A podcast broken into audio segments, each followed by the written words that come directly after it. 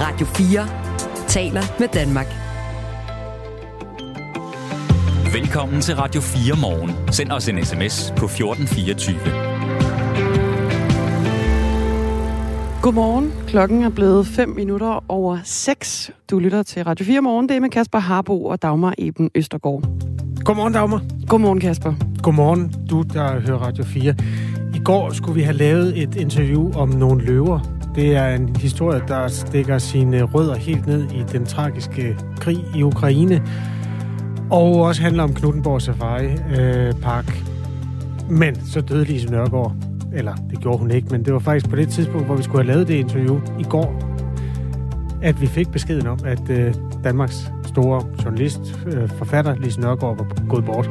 Og så måtte de tre løver altså vente. Men vi skal tale om dem. Ikke med dem, men tæt på, fordi vi skal tale med direktøren i Knuttenborg Safari Park om to minutter. Og vi får altså også øh, fortsat i dag, der drypper jo også øh, reaktioner endnu på Lise Nørgaard og øh, hendes død. Så dem får vi også øh, nogle flere reaktioner i. Vi skal også tale om Anders Fogh Rasmussen, fordi han besøger Taiwan i tre dage. Det med start i dag.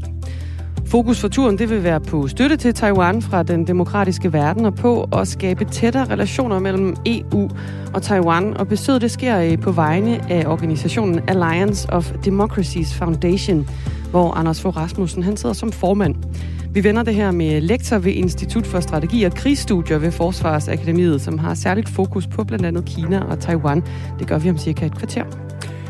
Klimabevægelsen Extinction Rebellion er blandt andet kendt for civil ulydighed. Altså at man sætter sig i vejen for trafikken, eller tager malerspraydåser frem, eller sådan noget.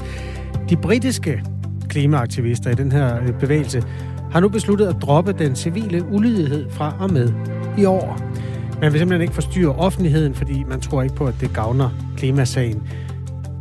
Men sådan bliver det ikke i Danmark. Den danske afdeling Extinction Rebellion Danmark har allerede de første civile ulydighedsaktioner planlagt i det nye år.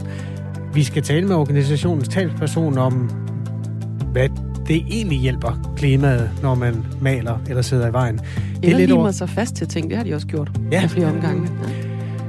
Ja. Øhm, det er jo samtidig, at folk, der hører Radio 4 morgen, også har spørgsmål, der kan bruges i sådan et interview, eller hvis du har et eller andet, der du undrer dig over i forhold til sådan en klimabevægelses uh, tankesæt, så er du jo altid velkommen til at skrive til os på sms'en. 1424. Klokken er 8 minutter over 6. Først skal vi til Løverne. Du lytter til Radio 4 morgen. Simba, Pløje og Vege hedder de nyeste beboere i Knuttenborg Safari Park. Tre afrikanske hundløver, der kommer fra Ukraine, og de har altså fået et nyt hjem her i Danmark. I samarbejde med Dyrenes Beskyttelse har parken evakueret de her løver fra øh, Ukraine og fra Kiev, og de kan nu se frem til at boldre sig på mere end 10.000 kvadratmeter fri natur. De kommer fra en mindre zoo, der ligger øh, tæt på en krigszone mellem Ukraine og Rusland. Løverne var desuden underernæret, så der er nok at tage fat på for Christoffer Knut, der er direktør i Knuttenborg Safari Park. Godmorgen. Godmorgen. Hvordan går det med de her tre i dag? Det går faktisk rigtig godt. Ej, lige i dag kan jeg faktisk ikke rigtig udtale mig om, det er ret mørkt, men, øh, og meget tidligt, men, men det gik rigtig, rigtig godt i går. Og det er gået langt over forventningerne det sidste lange stykke tid. De er, øh, de er faldet rigtig godt til, de er sindssygt rolige, og så det, som er mindst lige så vigtigt, det er, at de, øh, de, de interagerer og har det godt sammen. Så øh, indtil videre vil jeg sige, så er det, øh, så er det rigtig godt. Hvad, hvad er det for nogle skader, man har frygtet, de her løver havde fået ved at opholde sig i et land, hvor der var krig? Jamen altså, hvis du, hvis du er blevet øh, øh, bombet og skudt på og, og så videre, øh, så, så, så risikerer du at få som dyr de samme man skal sige, mentale skader som, som mennesker. Og der vil jeg sige, øh, man kan jo ikke læse dem ind i hjernen lige nu, men, men de, jeg vil sige, jeg synes, de er overraskende rolige og overraskende øh, løveagtige. Så, så jeg vil sige, jeg synes, det, øh, det er mest det mentale. Altså, vi kan jo se på dem, at der ikke er huller i pelsen, så at sige.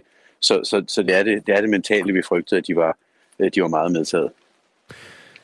Løverne har opholdt sig i en polsk zoologisk have, men de kommer altså kort før jul til deres nye hjem i Knuttenborg Safari Park på Lolland. Hvor er det helt præcis? Gud, hvor du larmer, Kristoffer øh, Knut. Pas på med mikrofonen. Øh, hvor er det helt præcis, de Ukraine, de har, altså, de har boet henne? Vi kender jo efterhånden det land bedre, end vi gjorde for et år siden.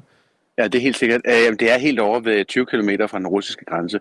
Så det var noget af det første, der, øh, der, der, der blev ramt. det var, det var lige præcis øh, der, hvor de var. Og der var der en, øh, en, en ildsjæl, der hed Eva med W, som, som var over at hente dem øh, og køre dem til et øh, så at sige, samlested i, i Polen, i Potsdam, hvor hun har samlet sammen med, jeg tror vi er, øh, der er 17 eller 19 organisationer og øh, zoologiske anlæg og så videre, rescue center, der ligesom prøver at hjælpe hende. Så samler hun ligesom alle dyrene i, i Potsdam i Polen, og så derefter så prøver de at blive øh, de er sendt ud i Europa. Og, og det er jo selvfølgelig, du kan sige, at nogle af dyrene skal jo, er også blevet, fordi de er for medtaget, de er blevet aflevet. De er simpelthen for, for der er ikke, de kan ikke leve et værdigt liv. Og så er der andre, der bliver øh, sendt ud i Europa. Og så er det jo rigtig vigtigt, at der, er et, et, jeg skal sige, at der kommer så mange dyr ud i Europa, sådan, så man kan få endnu flere dyr ud i, øh, fra Ukraine, for der er stadig tusindvis af, af, af dyr, som, øh, som skal ud, og, og hundredvis af store, store katte og, og bjørne og så videre. Og du vil sige, hvorfor gør man det? Jeg mener, grundet til det, det er at blandt andet, at, at de her dyr, de vil jo typisk ende op i, i den illegale handel, hvis du ikke tager dem ud. Øh, og, og det er jo nogle af de ting, som vi rigtig gerne skal undgå. Vi taler med Christoffer Knut, der er direktør i Knuttenborg Safari Park, om de her tre løver, der er kommet fra Ukraine. Nu er Ukraine jo en allieret og et land, som vi har stor sympati for, men alligevel så får jeg lyst til også at bringe noget andet op. Altså, østeuropæiske zoologiske haver har jo ikke sådan i folkemunde det mest øh, fantastiske rygte i forhold til, hvordan dyrevelfærden er. Øh, hvad er dit indtryk af de ukrainske zoologiske haver, som blandt andet har huset de her tre løver? Jeg, jeg kender dem simpelthen ikke godt nok. Jeg har set billeder, øh, men det er simpelthen for tyndt et, et, et grundlag, og så har jeg jo set de, de film, som også blev vist i øh, uh, TV2 News i går, af, af den samme zoologiske have, da den var blevet bombet, men jeg kan simpelthen ikke øh, sige det. Men du kan sige, at det vigtigste for os, det er, at vi har øh, fået tre øh, løver, hvor, øh, som, som nu skal have det rigtig godt de fungerer, og vi kan give dem et, et super fedt liv i en øh, 10, 12, 15 år, øh, medmindre der sker et eller andet uforudset. Og, og det er ligesom det, vi, vi, vi hæfter os ved. Jeg ved godt, det er et kedeligt spørgsmål, det her, men der er også bare noget interessant byråkrati, når man skal over en grænse. Altså, hvis et menneske skal over en grænse, det kan godt tage lang tid. Hvis man skal have et kæledyr med, så kan det tage rigtig lang tid. Så er der tre vilde løver. Altså, hvordan er øh, proceduren omkring det? Og i øvrigt, hvordan transporterer man dem? Kan du fortælle det? det ja, det kan jeg. Jamen, altså, det er faktisk øh, et rigtig godt spørgsmål, for et af de store hindringer, det har lige præcis været, at Ukraine fungerer som stat. Og det vil sige, at de skal udstede sådan noget eksportpapir i forhold til Washington-konventionen og CITES-papir og alt det her. Øh, og, og det vil sige lige præcis det, der forhindrer illegal handel af, af, af, af skal sige, truede dyrearter. Men, men i og med, at staten har fungeret, men alligevel ikke fungeret, så har det været en rigtig, rigtig, rigtig kompliceret proces. For du kan ikke bare tage imod dem. Ja, det kan du godt, men så ryger du fængsel. Og det, det vil være en dårlig start. Øh, og så er der jo selvfølgelig de veterinære oveni, altså at de ikke er, er fulde af sygdommen. Øh, og, og det vil sige, at de papirer, de skal bare være i orden. Og det, det er sådan noget. Alternativt skal du have en dispensation fra det. Men lige præcis det der har gjort, øh, at generelt for, for, øh, for hele projektet, så har det taget tid. Øhm, og derudover, så skal du sige, så, så når de skal øh, transporteres, så skal du jo have dem fra der, hvor de er, så skal de jo bedøves ned. Øh, og først skal de tilses af, af dyrlæge og, og, og se, at de, at de er stadig, som, som, øh, som, som da de blev undersøgt sidst, og de er stadig er sunde og raske og kan klare transporten. Så skal de jo bedøves ind i en transportkasse, hvor de så skal vågne, og så skal de øh, i, i ro og mag køres til, øh, til Danmark øh, og vågne og, og tilses igen. Så der, der er en masse processer, der skal, der skal sikres. Men lige præcis papirarbejdet er faktisk noget af det, der volder lidt problemer, fordi den ukrainske stat fungerer, men alligevel ikke helt fungerer. Mm. Så det er sådan lidt, øh, det er et rigtig, rigtig godt spørgsmål, og faktisk noget af det, der volder øh, de fleste hovedpiner. Hvilket køretøj bruger man? Du bruger en lastbil. Okay. Altså, det, der skal være godkendt. Ja, der skal, det skal ikke være sådan en præsendingslastbil. Det skal være en med hårde sider. altså løver, ej, de, de skal jo helst have en ordentlig tur. Nu, nu er det jo trods alt kun fire timer fra, fra posten til, til den danske grænse, men, men stadig skal de jo have det. De skal jo have det ordentligt. Nu skal de have det godt i Danmark. Er det meningen, at øh, altså, i lighed med menneskeflygtninge, at de vender tilbage, når der bliver fred i Ukraine? Eller har I tænkt jer at beholde dem? Teoretisk set, så kunne det godt lade sig gøre, men det, det, altså, i realiteten er, at de bliver på Lolland resten af deres liv. Øh, det, det er helt sikkert. Der, der er ikke noget, jeg kan slet ikke forestille mig inden for det næste, det næste løveliv, at de kommer tilbage til den. Øh, jeg tror slet ikke, man kan identificere, hvem der egentlig havde dem mere. Altså det, det, er, så, det er så broget, så vi, vi, øh, vi har påtaget os en opgave, og den, øh, den, den hænger vi på. Tak for det, Christoffer Knud, øh, direktør i Knuttenborg Safari Park. God dag til dig og løverne. Tak, og lige måde. Tak. Øh, løverne hedder Simba, Pløje og Vege, og kommer altså fra Ukraine. Ja, og det er altså et øh, land i krig, de er øh, kommet ud af. Det kan være øh, ret voldsomt at øh, opleve, og det var også... Øh, vi, vi skal lige høre lidt af, hvordan det egentlig lyder, når der er krig i et, øh, et land, og det land, som de her løver, de altså også er kommet ud af. Fordi det var ret tæt på at få nogle fatale konsekvenser for et øh, fransk tv-hold i aftes. De skulle rapportere fra den her krig øh, i et øh, fransk tv-program, der hedder Quotidien. Det her det ekstrablad, der har i øh, historien. Lige sådan fem minutter før øh, programmet det gik i luften, så eksploderede et missil øh, altså få 100 meter bag den her journalist, som ligesom står klar foran øh, kameraet med sin øh, mikrofon, en jakke på, det er lidt koldt. Øh, han befandt sig i øh, Krematorsk i den østlige del af øh, landet. Det lyder sådan her. qu'a vécu euh, Paul en man kan høre, at lyden den også sådan nærmest øh, overstyrer fuldstændig, mm. fordi lyden den er så, øh, så voldsom. Kameraet fangede øh, eksplosionen øh, i den her video, som, øh, som tv-programmet viste i, øh, i aftenens udsendelse. Øhm, og øh, ifølge flere ukrainske medier, så er der tale om et russisk missil. Det giver jo mening, når det også er i, i Ukraine, det her det foregår, men det er altså stadigvæk ikke officielt bekræftet. Men her med et øh, eksempel på, hvordan det lyder, når man øh, er i krig. Det er jo Hvad? sådan, løverne de garanteret også har oplevet det på en eller anden måde i det løvebur, de har øh, rendt rundt i dernede. Nu ryger jeg bare videre til den franske journalist. Altså, mm. hvordan har de det? Han er okay. Øh, de slap uskatte derfra. Altså, man kunne se, at han blev ligesom sådan øh, blæst lidt forover ind mod kameraet. Ikke? Det foregik bag ham, som han blev blæst sådan lidt forover ind mod kameraet, bukket sig fremover for at øh, beskytte sig selv fra det her øh, chok, der kommer, øh, der kommer bagfra de slap uskatte fra det, både øh, journalisten og, øh, og tv-holdet, der var med ham, og så sendte de faktisk ganske kort tid efter fra øh, en kirke i stedet for i nærheden, hvor de havde søgt tilflugt sammen med også øh, en, en stribe andre journalister. Det er en hård krig for mennesker og dyr. Klokken er 17 minutter over 6. Du hører Radio 4 morgen.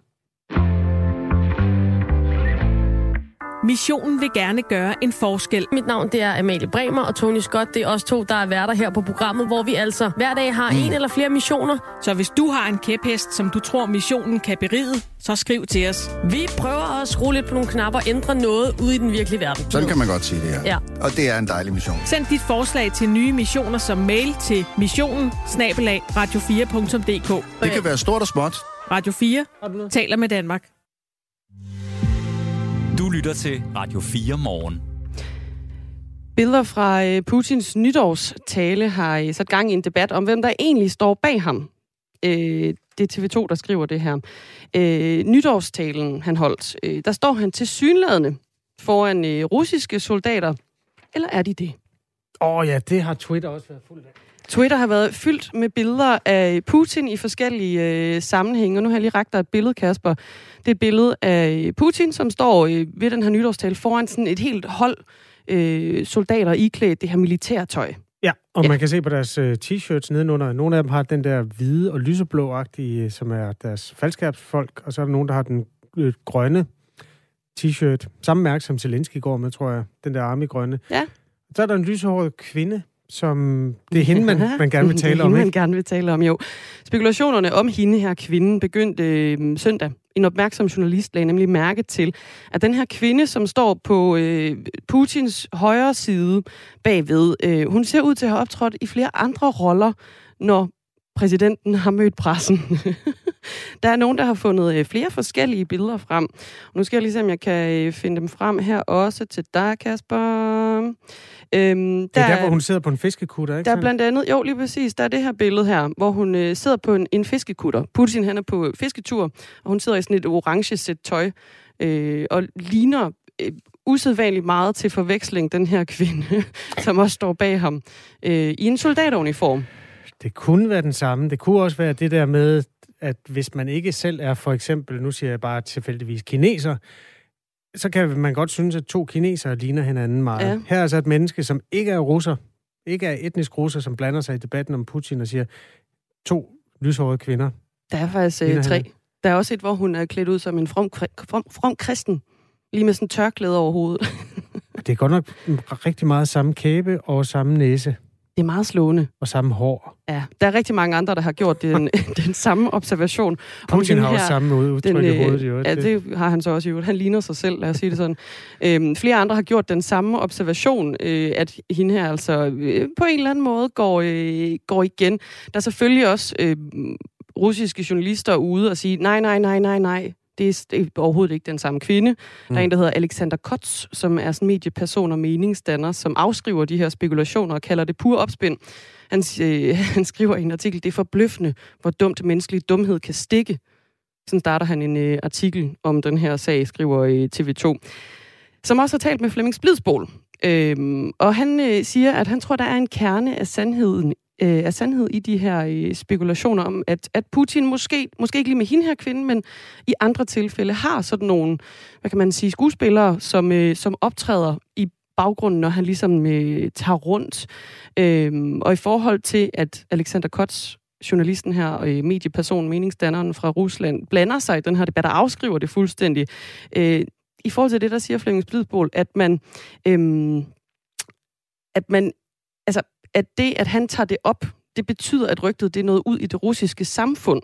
Og ja. ellers så havde man forbigået det i tavshed. Ikke? Så måske kan der ligge en eller anden form for en øh, lille spændende sandhed i det. Jesper han skriver, at det er garanteret sikkerhedsfolk, skråstreget bodyguards, hvilket vil give god mening i forhold til, at Putins liv jo er efterstræbt øh, mange steder. Så giver det god mening, at når man mænger sig med befolkningen, at det så er den samme befolkning hver gang, og at det er nogen, man kender rigtig godt. Og så kan man dem ud som soldat, from mm. kristen eller øh, kvinde på fiskekutter. Hun ligner mest en soldat, hvis jeg skal vælge mellem de tre billeder.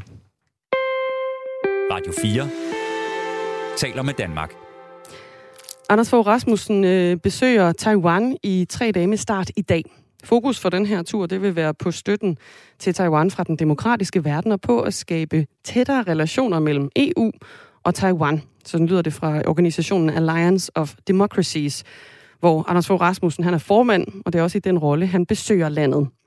Camilla Tænder Nyrup Sørensen er lektor ved Institut for Strategi og Krigsstudier ved Forsvarsakademiet med særligt fokus på blandt andet Kina og Taiwan. Godmorgen. Godmorgen. Hvad skal vi holde øje med i forbindelse med Anders Fogh Rasmussens besøg? Altså vi skal jo primært øh, holde øje med, øh, hvad reaktionerne bliver øh, i Kina. Øh, jeg forventer egentlig ikke, at der kommer øh, de helt store reaktioner, øh, men det kan afhænge lidt af både, hvordan øh, Anders Fogh Rasmussen bliver modtaget, øh, hvad der, øh, altså om der kommer nogle konkrete udtalelser og konkrete resultater ud af de møder, han har med de taiwanske politikere, og så også, øh, hvad der ligesom bliver reaktionen fra øh, i Danmark, øh, om der kommer nogen reaktion fra, vi har jo allerede set øh, den danske udenrigsminister være ude og udtale, at det her ikke er noget, der har været støttet fra den danske regerings side. Det er ikke noget, der ændrer på dansk et-Kina-politik, øh, men, men der kan jo alligevel komme øh, andre udtalelser også fra danske folketingspolitikere eller lignende, som på en eller anden måde kan mere kan binde op på øh, noget, kineserne kan være bekymret om, om der er en ændring i den øh, danske et-Kina-politik.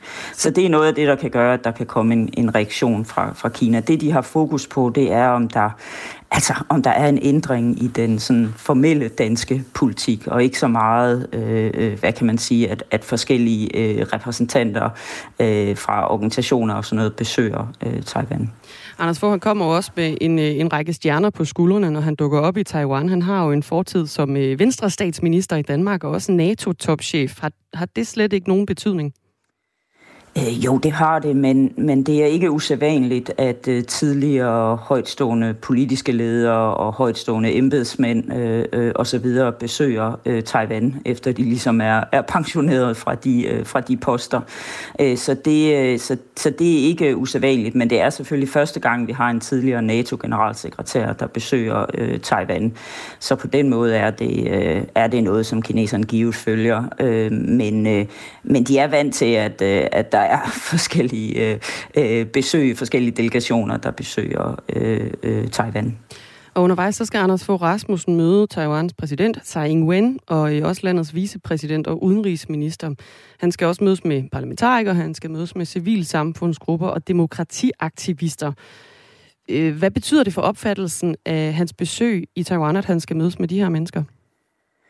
Anders Fogh er, er jo i dag formand for, som du er inde på, den her fond uh, Alliance of Democracy, så den har til formål at fremme demokrati uh, verden over. Og Taiwan har siden starten af demokratiseringsprocessen på øen, der i midten af, af 1980'erne, udviklet sig til et, et, et stærkt, uh, men samtidig meget sådan dynamisk, livligt demokrati, der hele tiden udvikler Øh, i tæt samarbejde med det taiwanske civilsamfund sådan nogle kreative modsvar til det pres, de hele tiden er under øh, fra, fra Kina, altså et, et økonomisk pres, et, et politisk pres, inklusiv sådan påvirkningsforsøg fra Kina, altså forsøg på at påvirke den politiske proces på Taiwan, forsøg på at underminere det taiwanske demokrati osv., og så det her militærpres.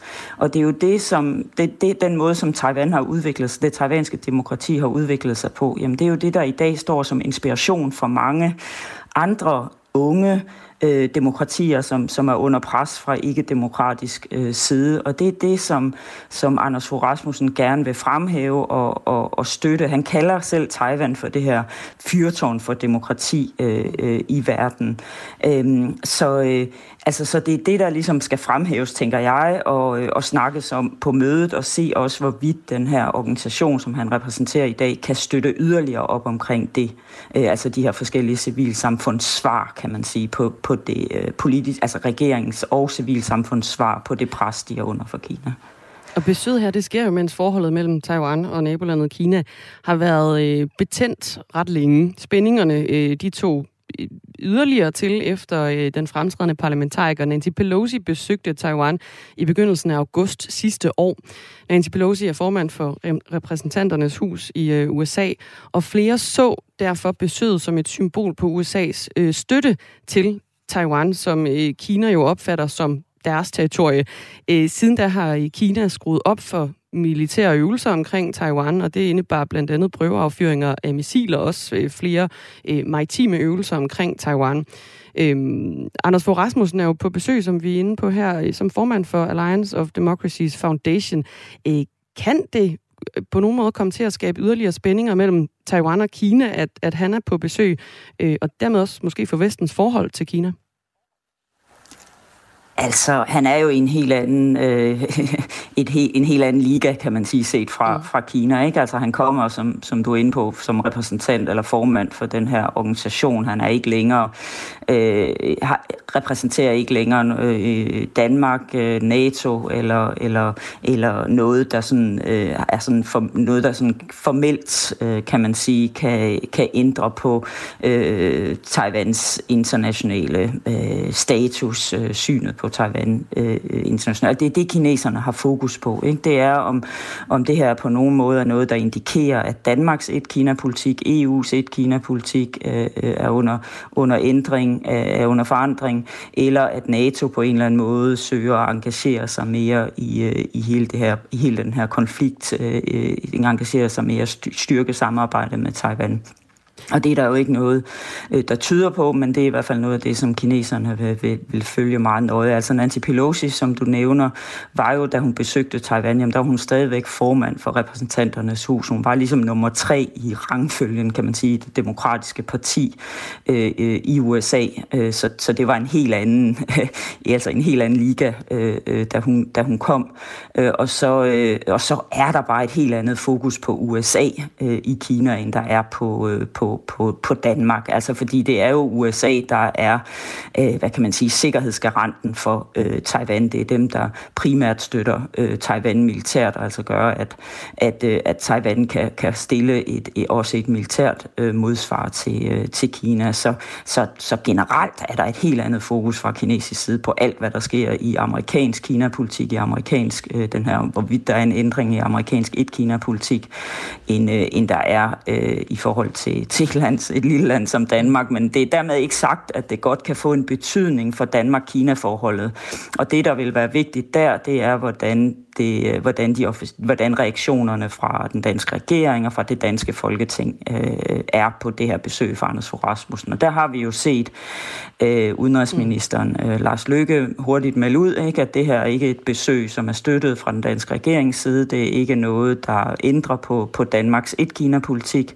Så, så der er jo hurtigt meldt ud, kan man sige. Øh, der er nogle folketingspolitikere, der har været ude og støtte besøget, øh, og det kan så binde op til, at der inden valget sidste år, altså inden valget i Danmark sidste år, der var der bestræbelser på fra forskellige folketingspolitikere at arrangere, at en, en, Ja, undskyld, men jeg vil bare sige, at der var forsøg på at arrangere en folketingsdelegation, der skulle besøge øh, Taiwan. Og det kan så være, hvis sådan noget kommer i gang igen, ja, så er det noget, der vil bekymre kineserne. Men det er der jo indtil videre, at der ikke er noget, øh, synes jeg, der tyder på, at det her kommer til at få betydning for Danmark-Kina-forholdet. Tak, Camilla Tænder Nyrup Sørensen, lektor ved Institut for Strategi og Krigsstudier ved Forsvarsakademiet, som altså ved en masse om øh, både Kina og Taiwan. Vi tager lige øh, citatet, vi har fået fra udenrigsminister Lars Løkke Rasmussen efter nyhederne med Asbjørn Møller. Nu er der nyheder på Radio 4. Kommunerne mangler en afklaring på, hvad der skal ske med jobindsatsen, når den nye SVM-regering vil afskaffe jobcentrene. Det siger Odenses borgmester Peter Rabeck Jul fra Socialdemokratiet til Berlingske. Han er også formand for udvalget for arbejdsmarked og borgerservice i kommunernes landsforening. Ifølge regeringsgrundlaget skal jobcentrene nemlig nedlægges, og det vil betyde en besparelse på 3 milliarder kroner i 2030. Nedlæggelsen skal give kommunerne større frihed til selv at organisere indsatsen. Målet med initiativerne skal være, at de ledige kommer hurtigere i arbejde, står der i regeringsgrundlaget. Men det bekymrer altså Peter Rabeck Jul, at man nævner besparelserne konkret, før man bliver konkret på, hvad der skal ske, hvad der skal komme i stedet for jobcentrene. Han mener, at der er en risiko for, at fokus bliver på, hvordan man kan spare på beskæftigelsesindsatsen, frem for hvordan den kan blive bedre, siger han til Berlingske. To personer blev stukket med kniv på åben gade i København i går aftes. Det oplyser Jesper Skrold, der er efterforskningsleder i Københavns politi. De to ofre er i behandling, men uden for livsfare, oplyser han. Og der er ikke anholdt nogen i sagen, og politiet kan desuden ikke give noget signalement af eventuelle efterlyste. Mellem jul og nytår indførte Københavns politi en visitationszone efter flere tilfælde af knivoverfald i hovedstaden. Zonen omfatter dele af Nørrebro og Nordvestkvarteret. Selvom vi danskere gerne vil spise mere bæredygtigt og grønt, så er det ikke altid, at den gode intention bliver ført ud i livet.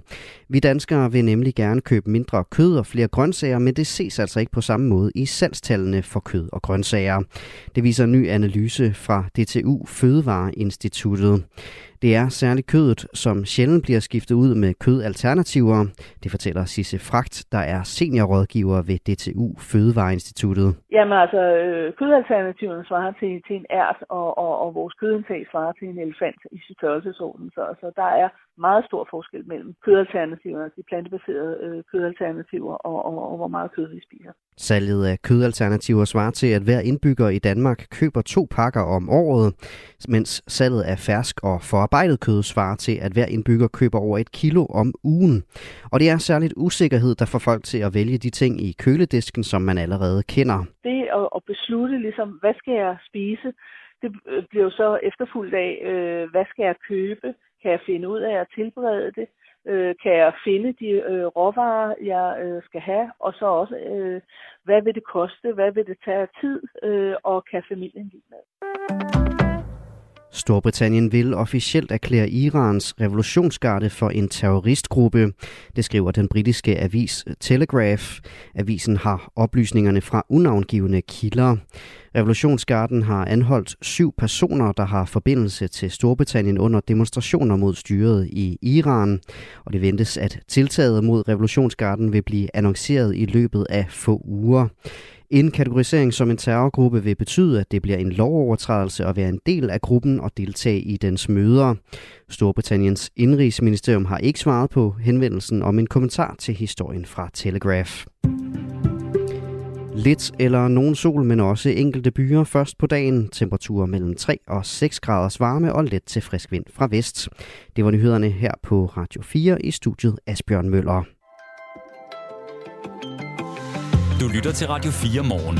Husk, du kan skrive en sms til os på 1424. Som for eksempel den her et-Kina-politik. Spørgsmålstegn. Spørgsmålstegn.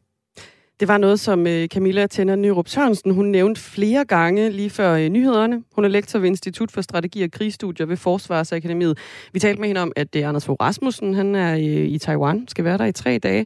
Øhm, og øh, udenrigsminister Lars Løkke Rasmussen henviste hun til flere gange som øh, har udtalt sig om det her besøg, fordi kan det blive til en eller anden form for diplomatisk krise? Men hvad er et Kina-politik, spørger ja. Jesper? Og et Kina-politik. Vi tager den her. Ja.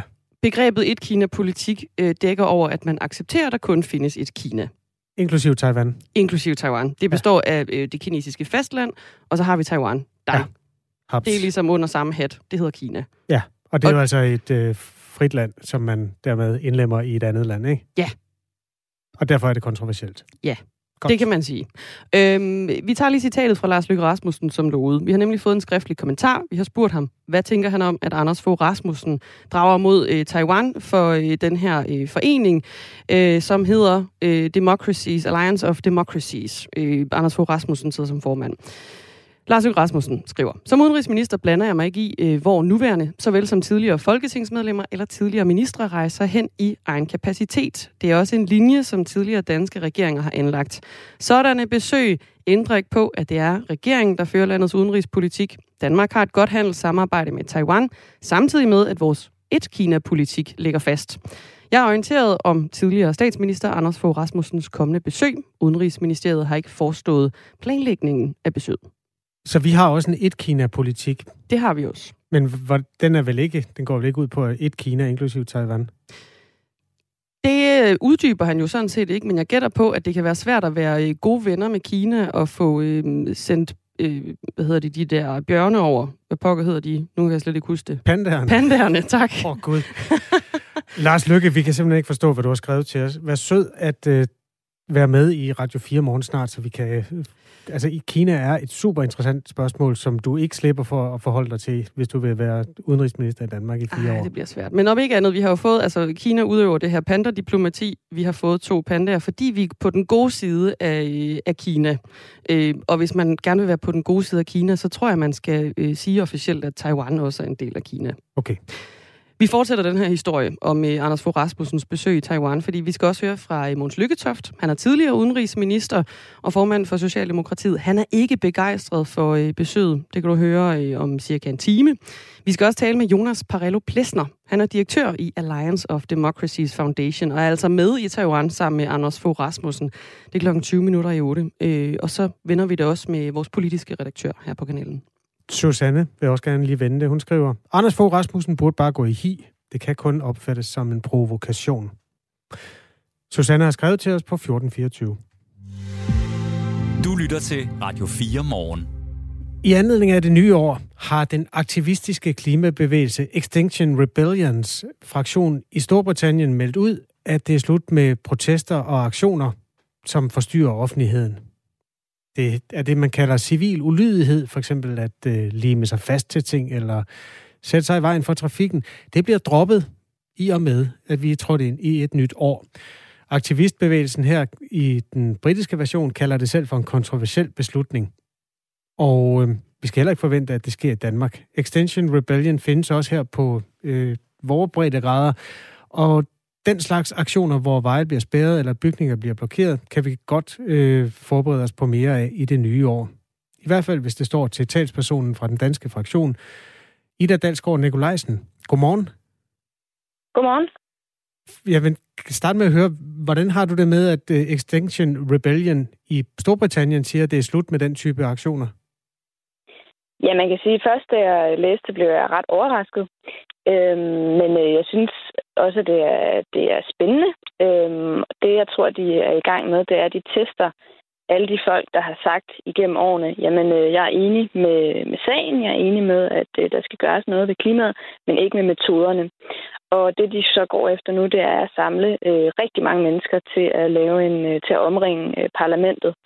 Øhm, og jeg tror, altså, det har været meget bevidst, at de har gjort det med den her meget... Øh, øh hvad kan man sige, kontroversielle udmelding med We Quit, fordi tænk, øh, nu sidder vi her i radioen i Danmark og taler om, at de gør op, øh, hvad hedder det, at de laver en kæmpe demonstration, hvor de vil samle 100.000 mennesker den 21. april. Nej, det var egentlig ikke det, vi skulle tale om. Det vidste jeg faktisk ikke, at vi skulle, men, men det kan vi også godt tale om. Jeg vil gerne høre allerførst sådan det, civil ulydighed. Det mm. her med, at, at, du har for eksempel lænket dig til et hegn på et tidspunkt øh, på Amagerfællet. Øh, det har jeg. Øh, den type aktioner, hvordan måler man efterfølgende, at at man er nået nogen vegne? Altså, at man har opnået noget, man ikke kunne have fået på andre måder? Jamen altså, det, øh, den videnskab, vi baserer os på i Extinction Rebellion, øh, det er for eksempel noget forskning, der har kigget på bevægelser historisk, øh, som viser, at hvis man får 3,5 procent øh, af en befolkning i aktiv modstand, i fredelig aktiv modstand, øh, så er det ret sandsynligt, at man, at man vinder. Øh, så på den måde, så kan man også øh, ved at kigge på tingene historisk øh, se på, hvad der virker og hvad der ikke virker. Og det vi i hvert fald kan konkludere ikke virker, øh, det er normale demonstrationer. Ikke at de slet ikke virker, øh, men at det ikke har været nok, fordi at udledningerne stadig stiger, og vi stadig står i den 6. masseuddøen øh, og styrer mod en fremtid, hvor at øh, der kommer til at være krig om basale ressourcer som mad og vand, og store dele af kloden at blive ubeboelig. Mm. Så det er jo øh, det er jo, det er jo grunden til, at vi øh, mener, at, øh, at vi bliver nødt til at gøre oprør, og bliver nødt til også at bruge øh, metoder som fredelig civil lydighed. Øhm, og øh, så når, når England vælger at, øh, at midlertidigt, det er også det, de skriver i pressemeddelelsen, midlertidigt at skifte væk fra den her taktik, så har det også rigtig meget at gøre med den engelske kontekst, at der er blevet vedtaget nogle love, som øh, gør straffene meget hårdere for øh, meget fredelig protest, som for eksempel det at øh, låse sig fast til hinanden på en vej, for, øh, for at ligesom kunne sidde der i længere tid. Det er jo, det er jo også den øhm, type aktion, som, øh, hvad skal man sige, bliver mødt af, af nogen folkelig modstand. Fordi det kan jo være, der holder nogen i den kø, der er på vej på sygehuset for at få syet en finger på, eller sådan noget. Øh, så mm. det der med at lægge trafikken ned, er jo et ret kontroversielt øh, våben. Er du egentlig tilhænger af det? Øhm, altså, jeg tror, at det er nødvendigt at, at forstyrre øh, den offentlige orden, fordi som sagt, så har normale demonstrationer desværre ikke kunne gøre det.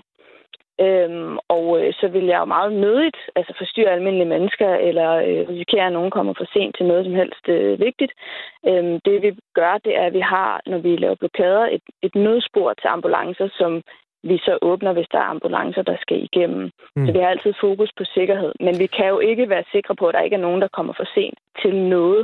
Men der er vi bare... Ej, det er nok en, en præmis, at, blive... at alle kommer for sent ja, til noget, altså, når de stopper deres trafik. Hvis der, hvis der er Tour de France, så kan man også risikere at komme for sent til noget. Ikke? Nej, det er ikke øhm, det samme, øh, fordi Tour de France er en sådan, hvad skal man sige, vedtaget demokratiske fora. Det her, det er jo jeres beslutning, at I vil stanse trafikken. Yeah. Øhm, dengang i maj 2020, hvor I blokerede alle vejene til Slottholmen, det er en lille ø, hvor Christiansborg, magtens centrum i Danmark, øh, ligger.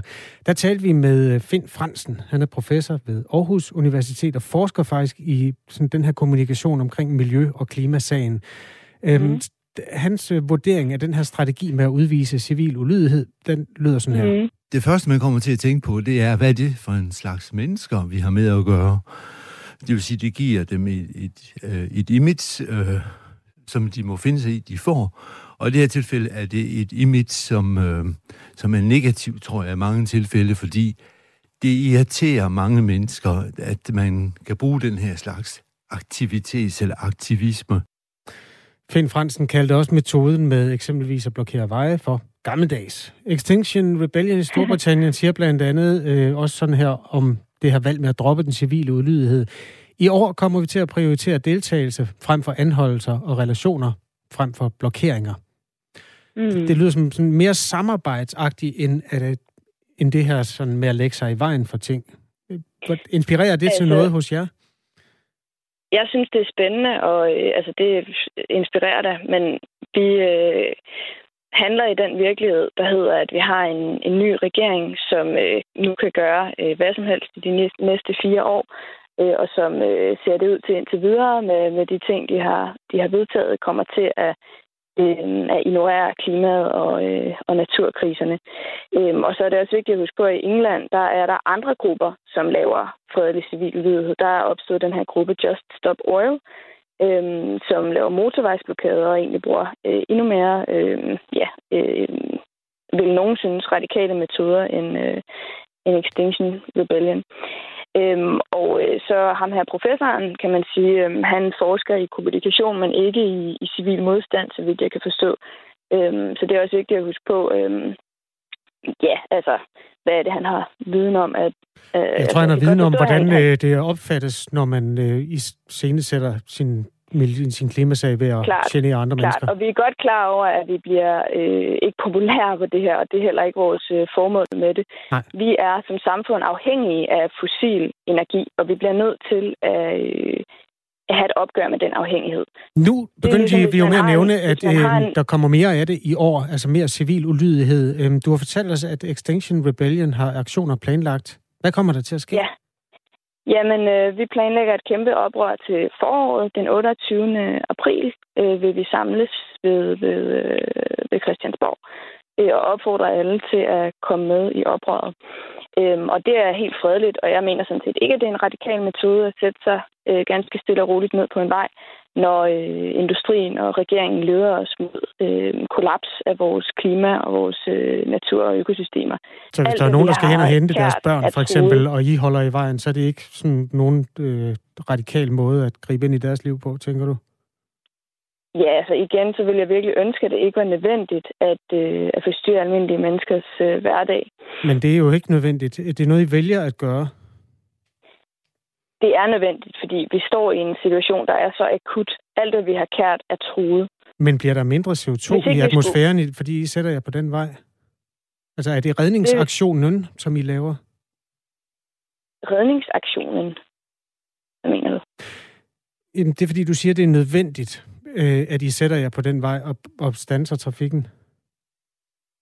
Så tænker jeg, men, ja. men bliver, bliver problemet så løst øh, dagen efter, at I har siddet på den vej?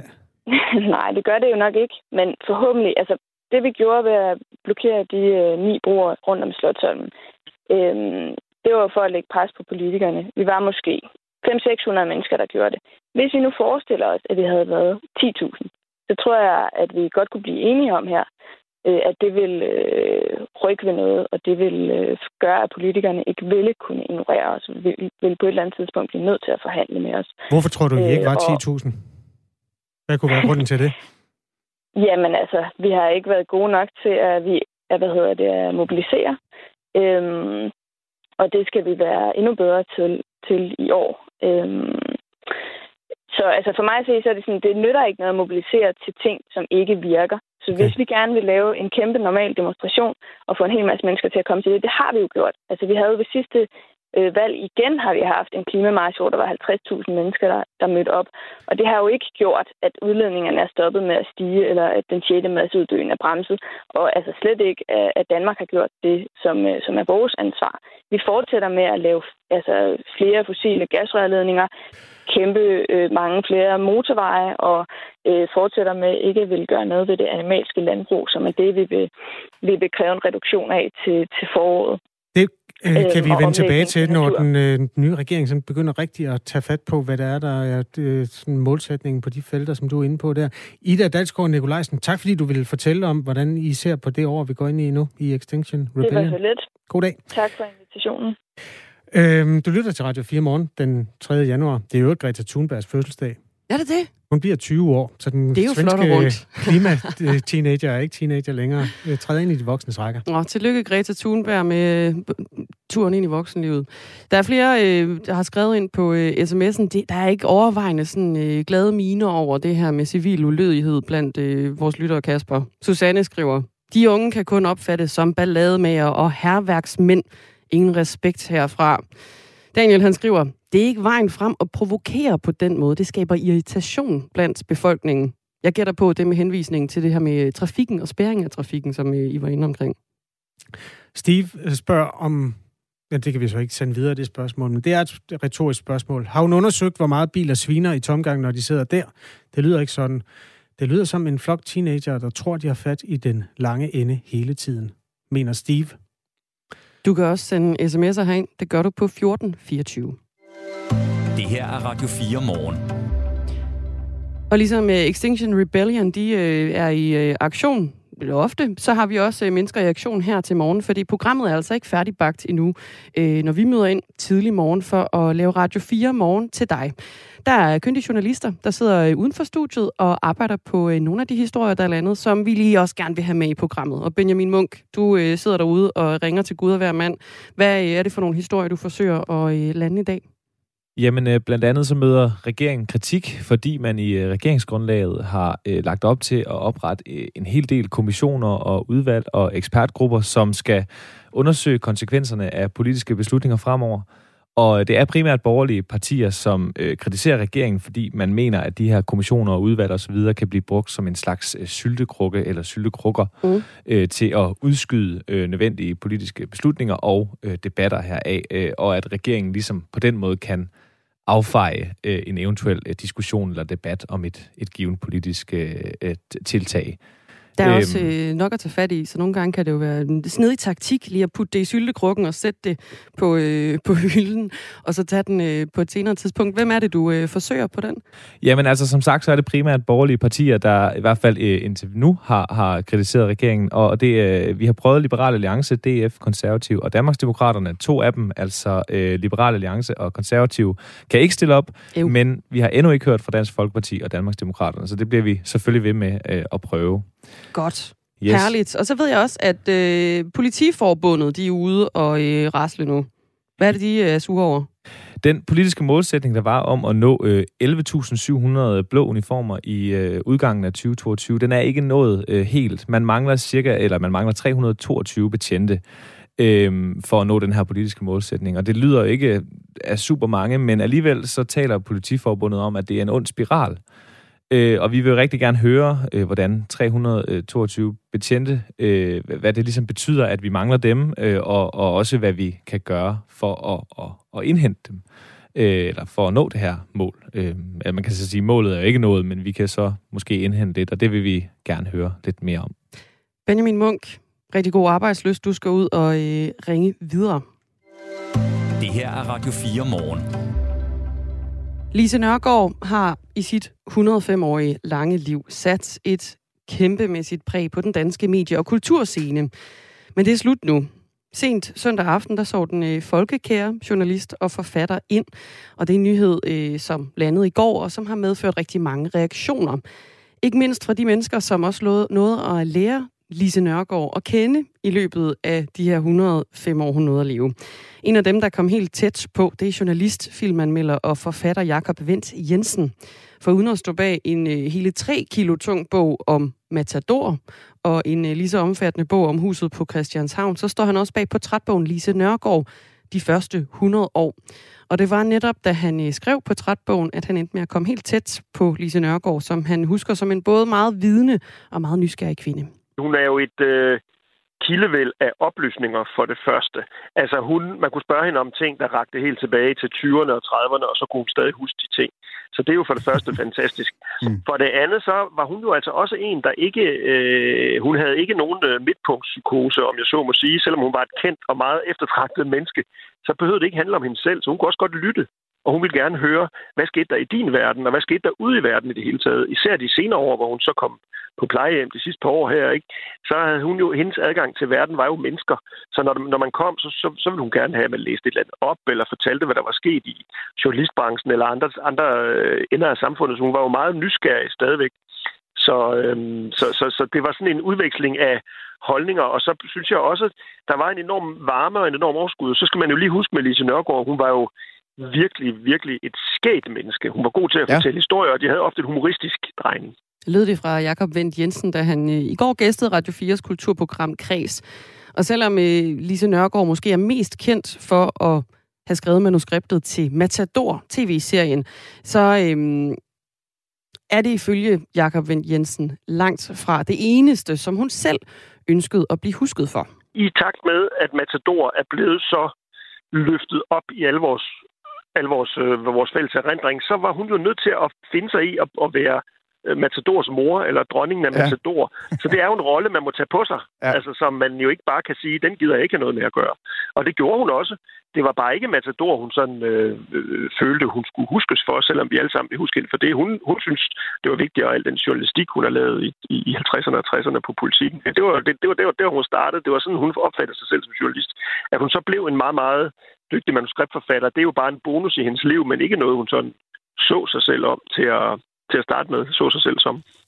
Og at hun øh, i sin levetid har meget andet mindeværdigt end øh, Matador, det skriver øh, Jakob Vendt Jensen altså gerne under på. Altså som journalist vil jeg sige, det der er mest imponerende ved hende der, nu er der jo heldigvis her op til jul udkommet sådan en samling af hendes gamle tekster, dem kan man jo selv gå ind og læse, men det der er, det er, at hun var enormt alsidig.